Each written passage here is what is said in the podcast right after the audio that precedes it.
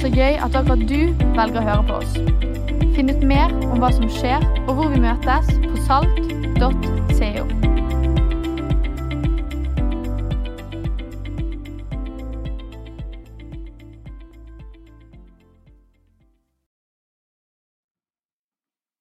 Ja, prøver å få tak i hva som var nytt der.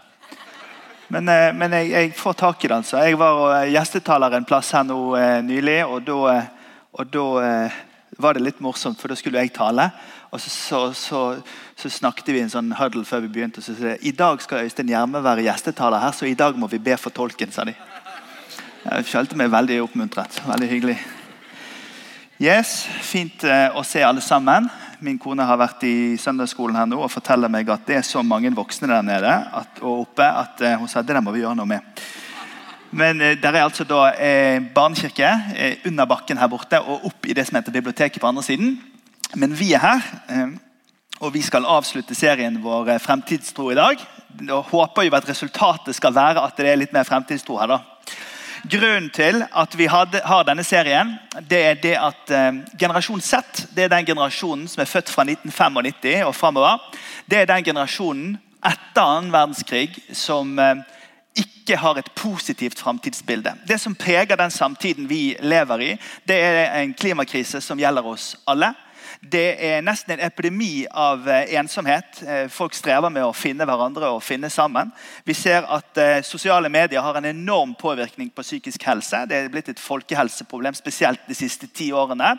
Eh, Og vi kunne nevnt dette som handler om finanskrise, om eldrebølge, om identitetspolitikk og alle mulige sånne ting, som gjør at det å være menneske i dag det er ganske så annerledes. Det er flere ting som er oppe til diskusjon og vurdering og flere trusler i horisonten. og Dermed så sier den generasjonen som eh, nå kommer, at det ser ikke så bra ut, det som ligger foran. Og Vi er så utrolig takknemlige for at eh, helsevesenet tar tak i det. Vi er så glad for at skolen tar tak i det. Vi er så glad for de ulike vitenskapene både forsker på det og skriver om det. Så vi er takknemlige i kunnskapssamfunnet vårt at noen stiller en diagnose.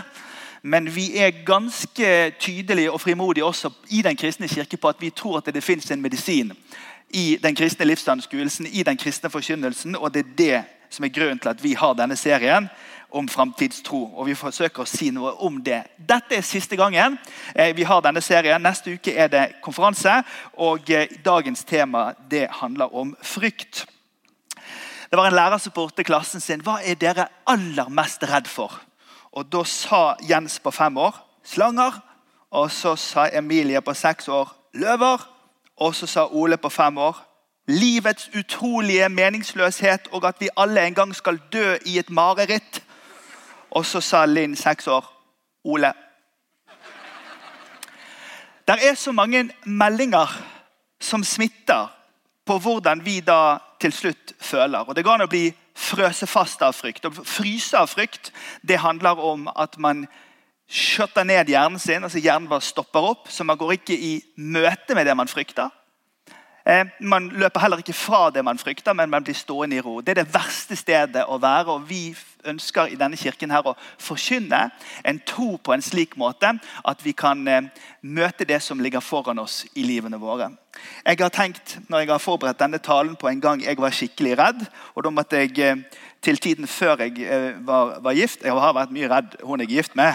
Men, men jeg tenkte at det, det passer seg ikke at jeg skal snakke om det her nå. Så jeg kom på en historie fra de traktene du Espen, vokste opp i. Jeg var på speiderleir i Sveio når jeg var på, i ungdomsskolen. Jeg, jeg, gjorde jo kometkarriere i speideren. Jeg ble, var jo leder i 5. klasse.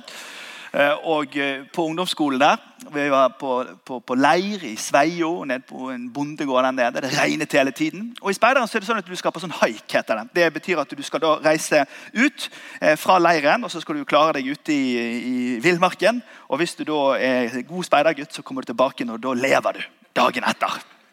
Vi skulle da på kanohaik. Og Jeg hadde da ansvar for to kanoer. Det kan godt være ansvar for tre, men jeg husker bare to. Og Vi rodde utover, og det var skikkelig mye sjø den dagen. Og Vi, vi rodde og vi rodde, og jeg hadde en sånn liten Det var sånn at vi, vi store da, som gikk i niende vi hadde gjerne med noen som var små og gikk i femte og sjette. Og Jeg hadde en sånn skikkelig vever spurvung av en liten gutt med meg opp i denne kanoen. Og jeg og Sylvester Stallone vi satt der sånn og jobbet da mot villmarken og vinden og tsunamiene som kom mot.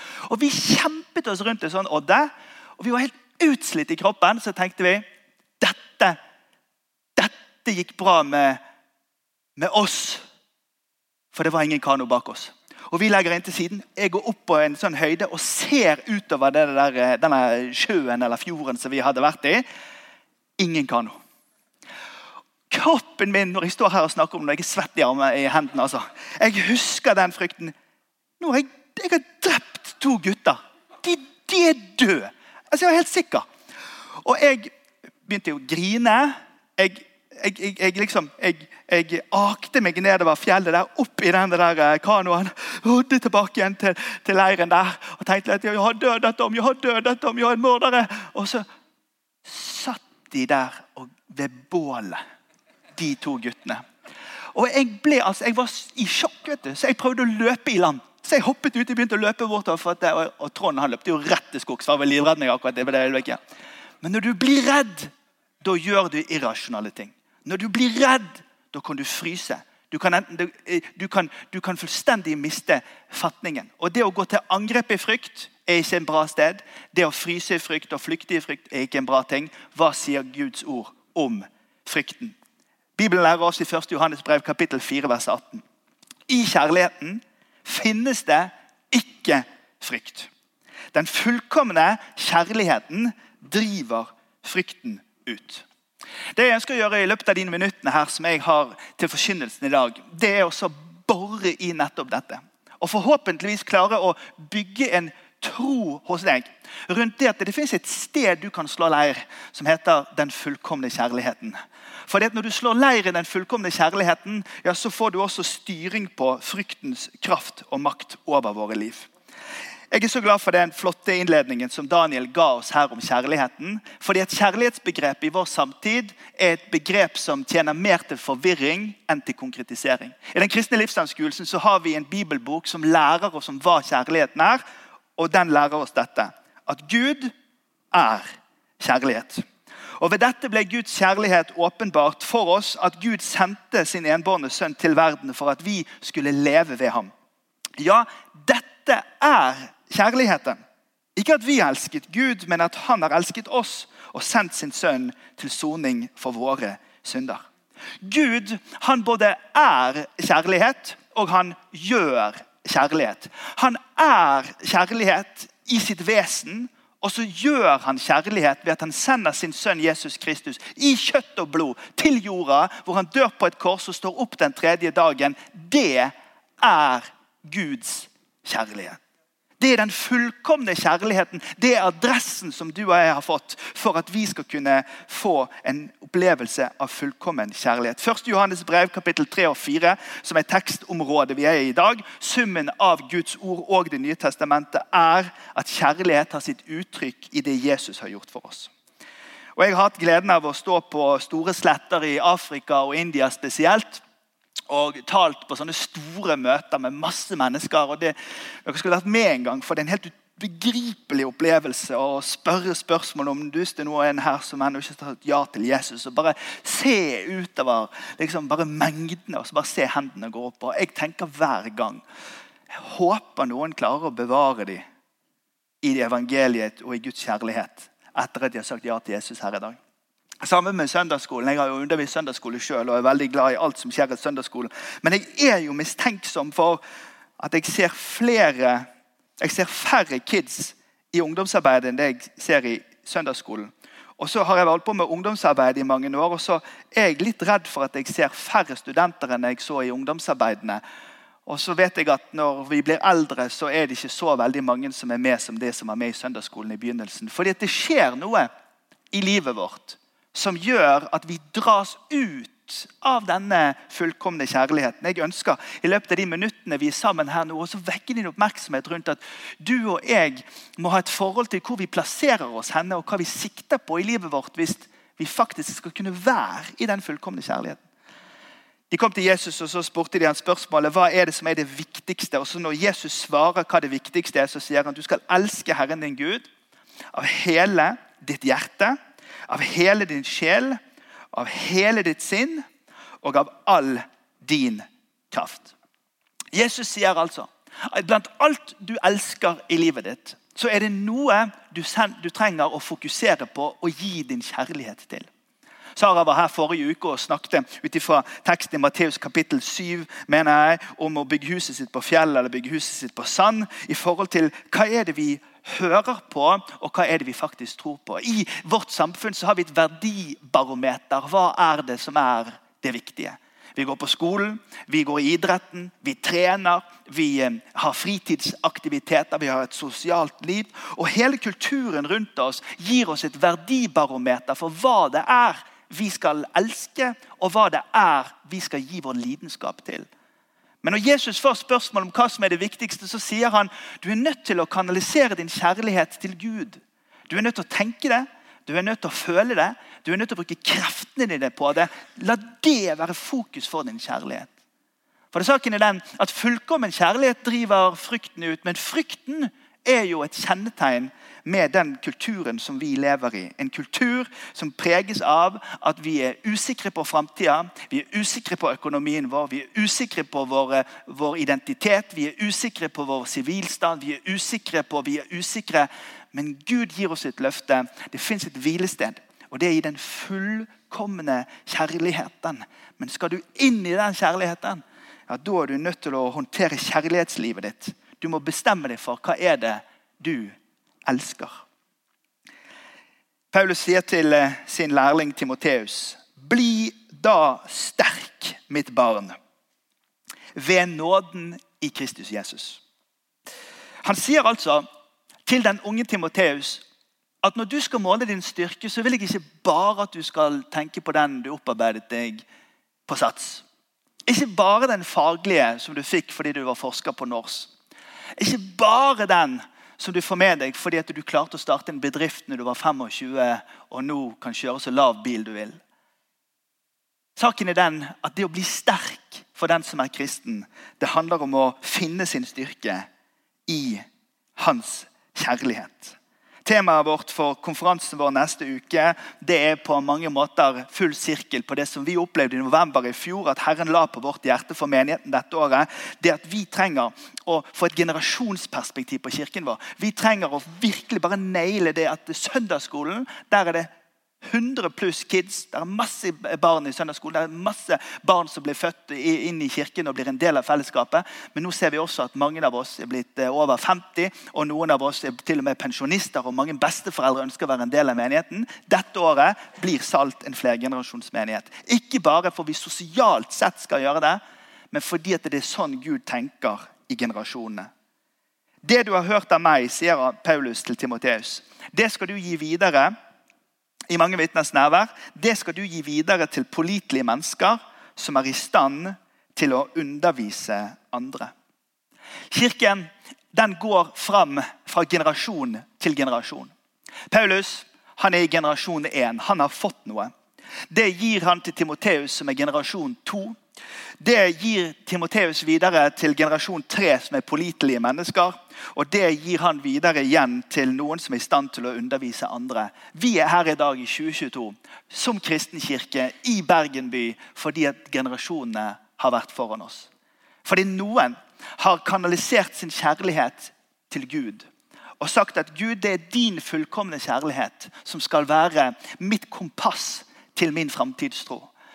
I alt det jeg kan elske i det norske velferdssamfunnet, så bestemmer jeg meg for at kjærligheten min den skal jeg gi til han som har elsket meg først. Kjærligheten min den skal ikke først og fremst gå til fritidsaktivitetene eller til forbruksvanene eller til det sosiale livet eller til min lille familie. Nei, min kjærlighet skal kanaliseres sånn som Jesus har sagt. Elsk Herren din Gud av hele ditt hjerte, all din kraft og med hele ditt sinne, med alt den du er. Fordi at kjærligheten deres, kjærligheten den tar oss med til det stedet vi ender opp i livet. Du og jeg, vi formes. Vi formes gjennom livsløpet vårt.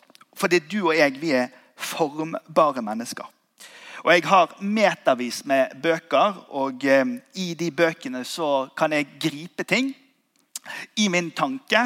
Men alle vi som har oppdratt barn og har jobbet med kommunikasjon i ekteskapet vårt, og som jobber med, med kosthold og med helsetips og sånn, vi vet at det å få ting inn i hjernen betyr ikke at vi får det ut i aktivitet i kroppen. For det å lære noe rasjonelt er ikke det samme som at vi klarer å endre oss i vårt vesen. Sankt Augustin han var biskop, hippo og filosof. Og Han skrev i sine bekjennelser i 397 en smekkfull, fantastisk setning som jeg vil at du skal tygge litt på i dag. Gud, du har skapt oss for deg selv.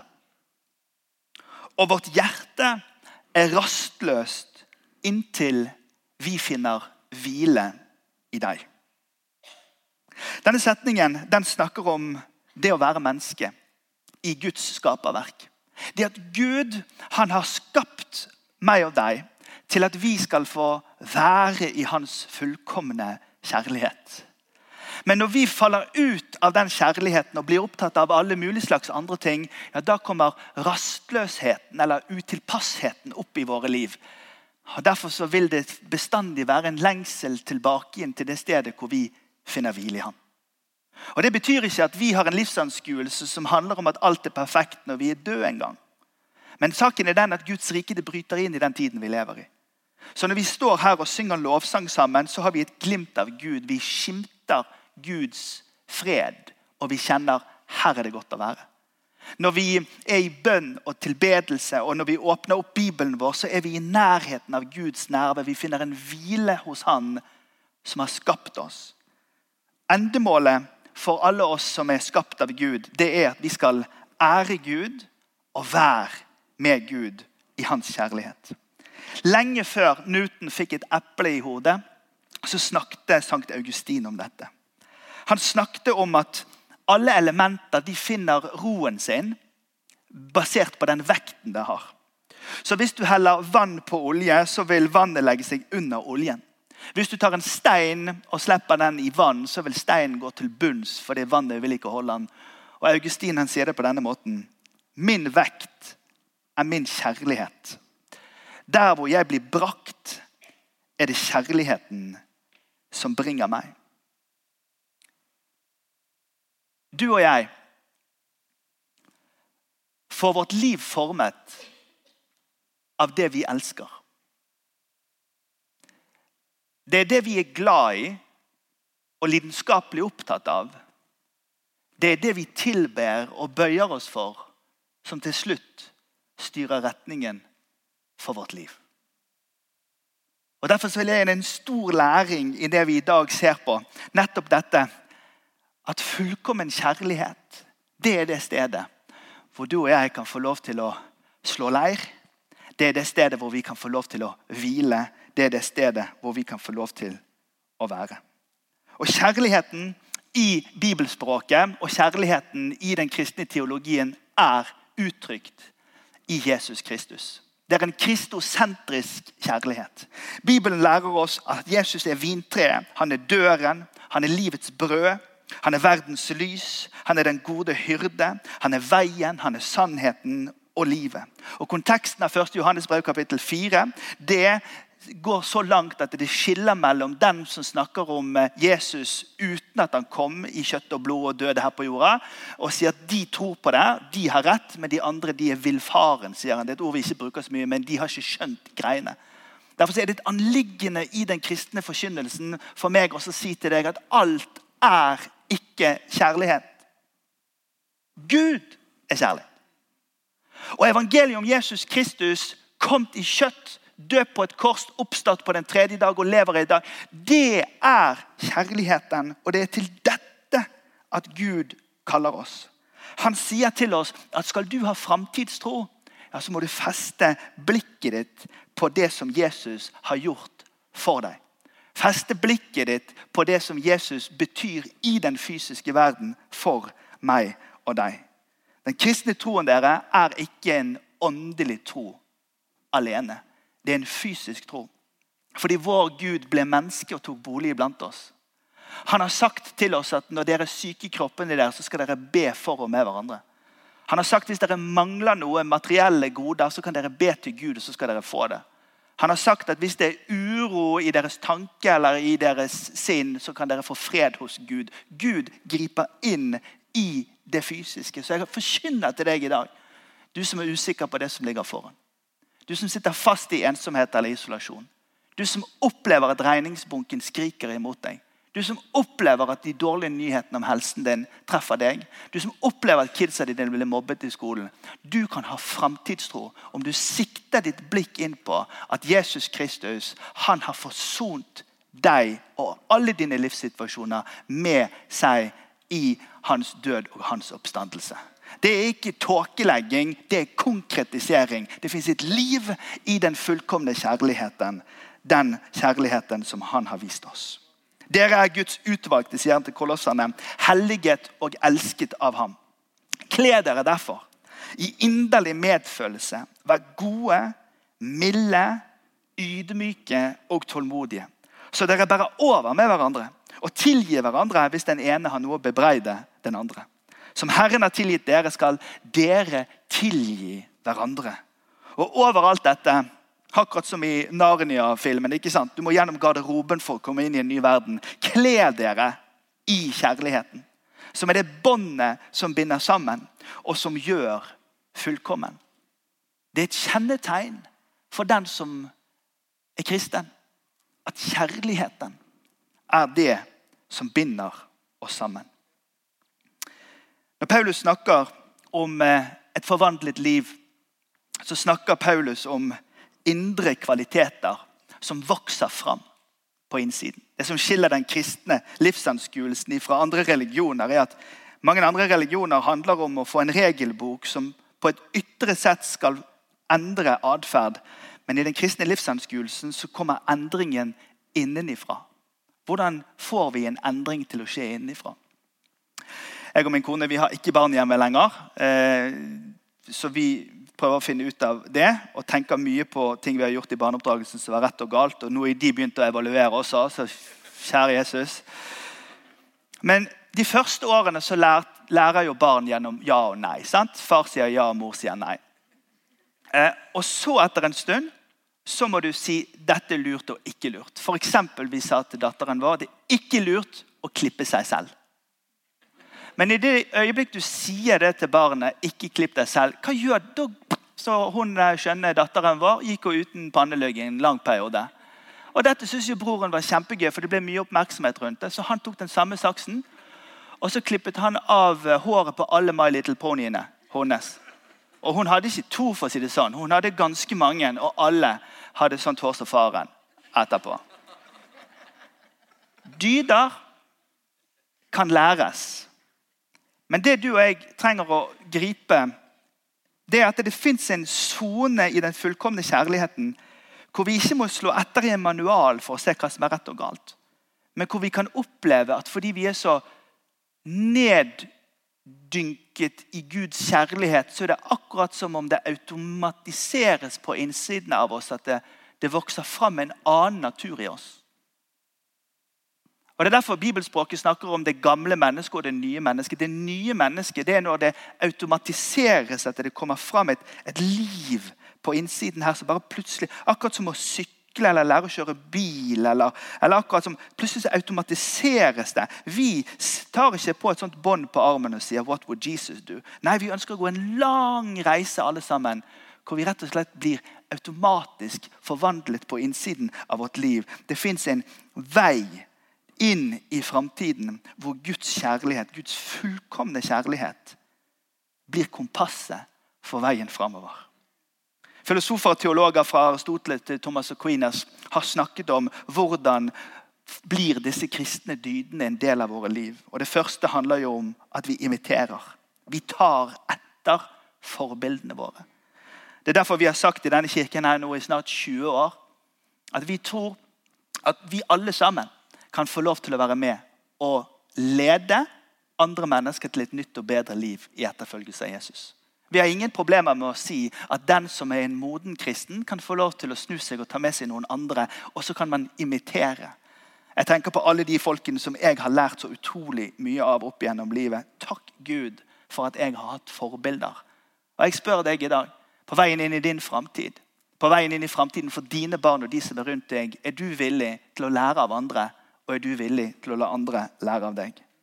For det andre så lærer vi eh, disse dydene gjennom handlinger. Altså rett og slett handlinger som vi deltar i og gjør. Og Nå er jeg blitt så voksen og holdt på med menighetsarbeid i Bergen i 22 år. Og eh, andre steder rundt omkring, og jeg bare tenker, jeg håper vi gjør de riktige tingene. Jeg har i hvert fall gjort alt jeg kan hele tiden med den innsikten og kunnskapen jeg har. Gjort det hardeste arbeidet mulig for å nå fram. Med livgivende gudstjenester og god kommunikasjon og diakonalt arbeid og tro i hjemmet og alt dette som vi holder på med. Men jeg kan ikke velge for folk hva folk deltar i. Men det jeg vet, det er det at når vi engasjerer oss i tjeneste for andre, når vi bryr oss om noen som lider, når vi tar tid til den samtalen med noen som eh, trenger noen å prate med, når vi deltar i lovsangen og i bønnen og i, i de ulike tingene som vi holder på med, ja, så formes vi av de handlingene som vi gjør. Og Alt dette det skjer i en senmoderne kontekst med økt sekularisering. Og det eneste jeg har som hovedpastor i denne menigheten, her, det er en invitasjon til deg. Kom i retning av Jesus. Kom i retning av hans kirke i verden. Kom og bli med på de tingene som former hjertet rundt den fullkomne kjærligheten. James K. Smith, teolog og filosof, sier det på denne måten. Hvis du er det du elsker, og kjærlighet er en dyd, så er kjærligheten en vane. Dette betyr at vår mest grunnleggende orientering i verden, de lengsler og ønsker som orienterer oss henimot et godt liv, blir til gjennom hva vi imiterer, og hva vi praktiserer. Derfor er det dypt urovekkende at europeiske kirkebygg bygges om til restauranter og nattklubber og treningssenter og puber og bowlingarenaer. Fordi vi flytter inn i kirken det som egentlig er vår sanne kjærlighet. Men jeg håper og tror at vi skal få lov til å vise en annen vei fremover. Men den andre veien den kan vi bare finne om hjertet vårt innstilles på det Jesus har bedt oss om å skjønne at er det viktigste. Pass på hva du elsker. Helst din Gud av hele ditt hjerte, av hele ditt sinn, av all din kraft og med hele din sjel. Bare elsk Gud. Ikke fordi du skal elske han først, men fordi han har elsket deg først. For jeg må si det, som pastor og som kirkeleder i 2022 så kommer jeg fortsatt til å stå på sånne steder på sånne sletter i utlandet og ha sånne stormøter og se hender gå opp overalt. Og jeg kommer fortsatt til å gå hjem om kvelden og tenke jeg håper de blir bevart av Gud. I søndagsskolerommene så kommer jeg fortsatt til å ha med meg bønnen Kjære Jesus, bevar disse søndagsskolekidsa, så at de kan bli tenåringer og ungdommer som fortsatt elsker deg. Jesus, lær disse ungdommene våre å håndtere studentfasen sin og voksenfasen sin. Herre, lær de eldre hvordan vi kan gå gjennom livet med en voksentro også. Jeg blir så utfordret av Dallas Willard sin bok om det skjulte livet med Gud, hvor han sier at europeiske kristne før 300-tallet, de sa følgende Som Jesu lærlinger så går vi gjennom et treningsløp. Fra å ha tro på Jesus til å ha Jesu tro. Velsignet i de rene av hjerte, for de skal se Gud. Jeg ber for oss om at vi i dette kunnskapssamfunnet, kompetansesamfunnet, i dette sekulære samfunnet skal ha rene hjerter inn for Gud. Hvor vi kommer inn i den fullkomne kjærligheten. Hvor vi tar tiden til lovsangen, til bønnen, til gudstjenestelivet. Det å komme til gudstjenesten handler vel ikke om det passer eller om det er fint eller dårlig vær. Det handler om at jeg stemmer mitt hjerte til Han som jeg elsker. Fordi jeg vet at det er kjærligheten som er vekten som bærer meg gjennom livet. Så om det blir bare treningsøkten eller yrkesvalget eller forskningsartikkelen eller firmaskapningen Hvis det blir det som blir min kjærlighet, ja, da blir også det min retning for mitt liv. Det er derfor Kirken står her som et synlig signal om at Guds rike bryter inn i vår verden. Tenk bare hvordan det er å være ensom. Hvis det fantes en kirke hvor blikket var på den fullkomne kjærligheten, hvor fordi vi ser hans fullkomne kjærlighet, så åpner vi også opp våre egne hjerter for å være for og med hverandre og bry oss om hverandre. Det er en medisin for ensomheten i vårt samfunn at den levende Guds menighet fungerer, og at den fullkomne kjærligheten blir synliggjort i tid og rom. Tenk om alle de som tviler, kan finne et miljø hvor det fins en fullkommen kjærlighet som gir rom og barmhjertighet til dem som tviler. Det står i Judas bok til dem som tviler, vis barmhjertighet. Tenk om vi kunne stå sammen med alle de som lider av sykdom, de som føler at nå ryker det, livet ble for kort, helsen holder ikke. Men at vi kan være i et fellesskap av en fullkommen kjærlighet, hvor vi har tid og rom nok til å be for og med hverandre og støtte hverandre. Og bare drive frykten tilbake og erstatte den heller med en fullkommen kjærlighet. Tenk om vi kunne være et sånt miljø nå når vi skal inn i strømkrise og rentehevning og alt som er farlig og fryktelig og grusomt med krigstyper i avisene nå. Heller kunne hjelpe hverandre å løfte blikket fra regningsbunken til en Gud som er mer enn nok. Støtte og oppmuntre og styrke hverandre. Det fins en medisin imot frykten for framtiden. Og det er den fullkomne kjærligheten.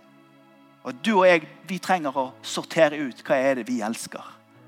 Og la oss passe på at det ikke er en diffus samtidsdefinisjon som forvirrer, men at det i sannhet er vår Gud kom i kjøtt og blod til én jord.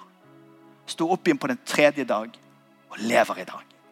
Han er veien, han er sannheten, han er livet. Han er treet, han er døren, han er åpningen, han er den klare morgenstjerne. Skal du ha framtidstro, så fokuser på Jesus Kristus. Han som er uttrykket for den fullkomne kjærlighet. Og så bare driver vi frykten vekk av det. La oss reise oss opp, og så ber vi sammen. Takk, Jesus. Takk, Jesus. Herre, vi priser deg og takker deg for at det er sant, det vi forkynner i dag.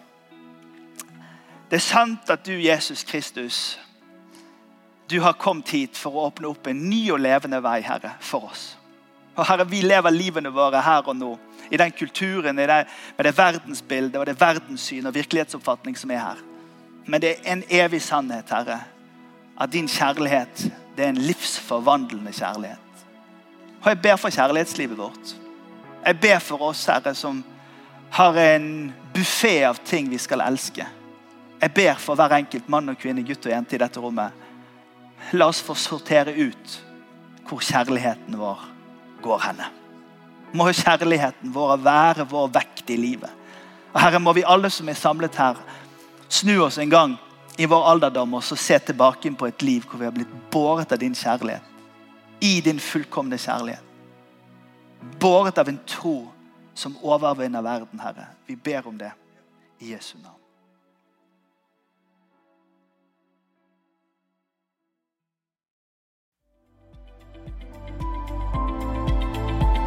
Takk for at du hørte på. Håper vi snakkes enten her eller i kirken neste søndag. Ha en nydelig